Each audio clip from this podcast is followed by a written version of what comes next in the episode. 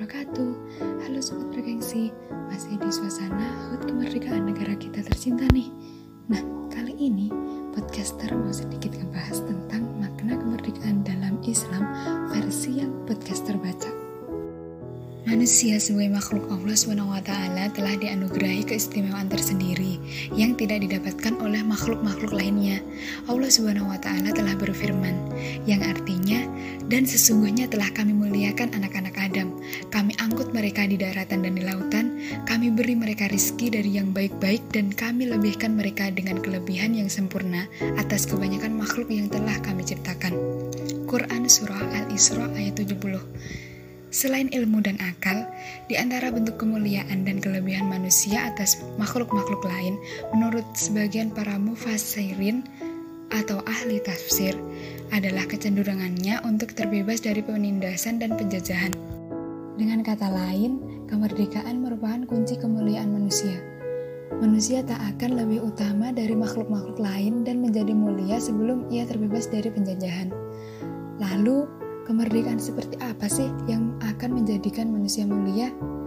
Dari suatu riwayat, ternyata Islam memandang kemerdekaan bukan dari satu sisi saja loh, melainkan dari semua sisi, baik dari segi lahiriah maupun batiniah, yakni kemerdekaan atau bebas dari penghambaan kepada selain Allah Subhanahu wa taala menuju tauhid untuk ranah batiniah dan kemerdekaan dari kesempitan dunia, ketidakadilan menuju ke lapangan serta keadilan Islam dalam ranah lahiriah. Sehingga bisa dikatakan bahwa makna kemerdekaan dari ajaran Islam ini adalah kemerdekaan yang sempurna bagi umat manusia. Syekh Ibnu Utsaimin rahimahullah dalam Syarah Al-Aqidah atau penghambaan kepada Allah Subhanahu wa taala adalah kemerdekaan yang hakiki.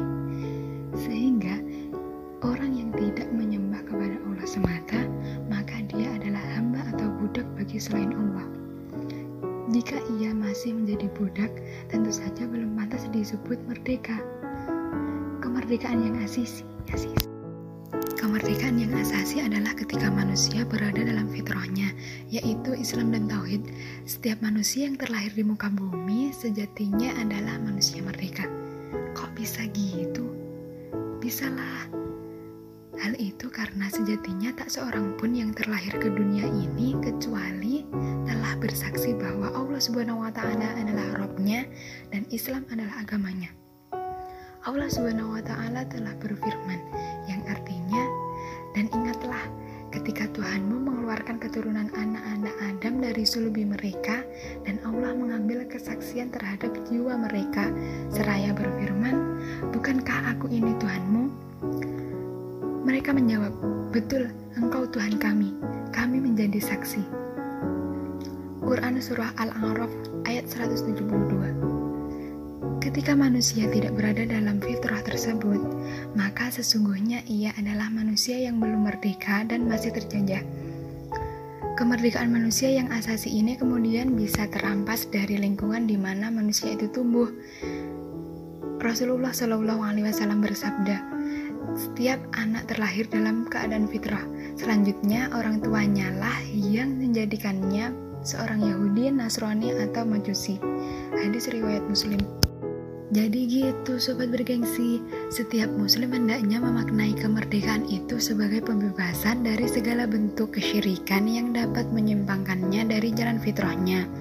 Begitu pula, kemerdekaan oleh seorang muslim adalah terbebasnya seorang hamba dari segala sistem kehidupan yang tidak bersumber dari aturan Islam dan sunnah nabinya sebagai wahyu ilahi. Oleh karena itu, ketika seorang hamba senantiasa berkomitmen akan hal ini, maka sejatinya ia adalah manusia yang merdeka di sepanjang hidupnya. Wallahu a'lam bishawab. So, itu tadi makna kemerdekaan versi yang podcast terbaca. Semoga bermanfaat ya. Nah, sekarang kalau dari versi sobat bergengsi sendiri gimana nih? Boleh kali ya direfleksiin? Oke, okay, kalau gitu, sekian dari podcast tadi episode kali ini. Sampai jumpa di next episode, yaps. Wassalamualaikum warahmatullahi wabarakatuh.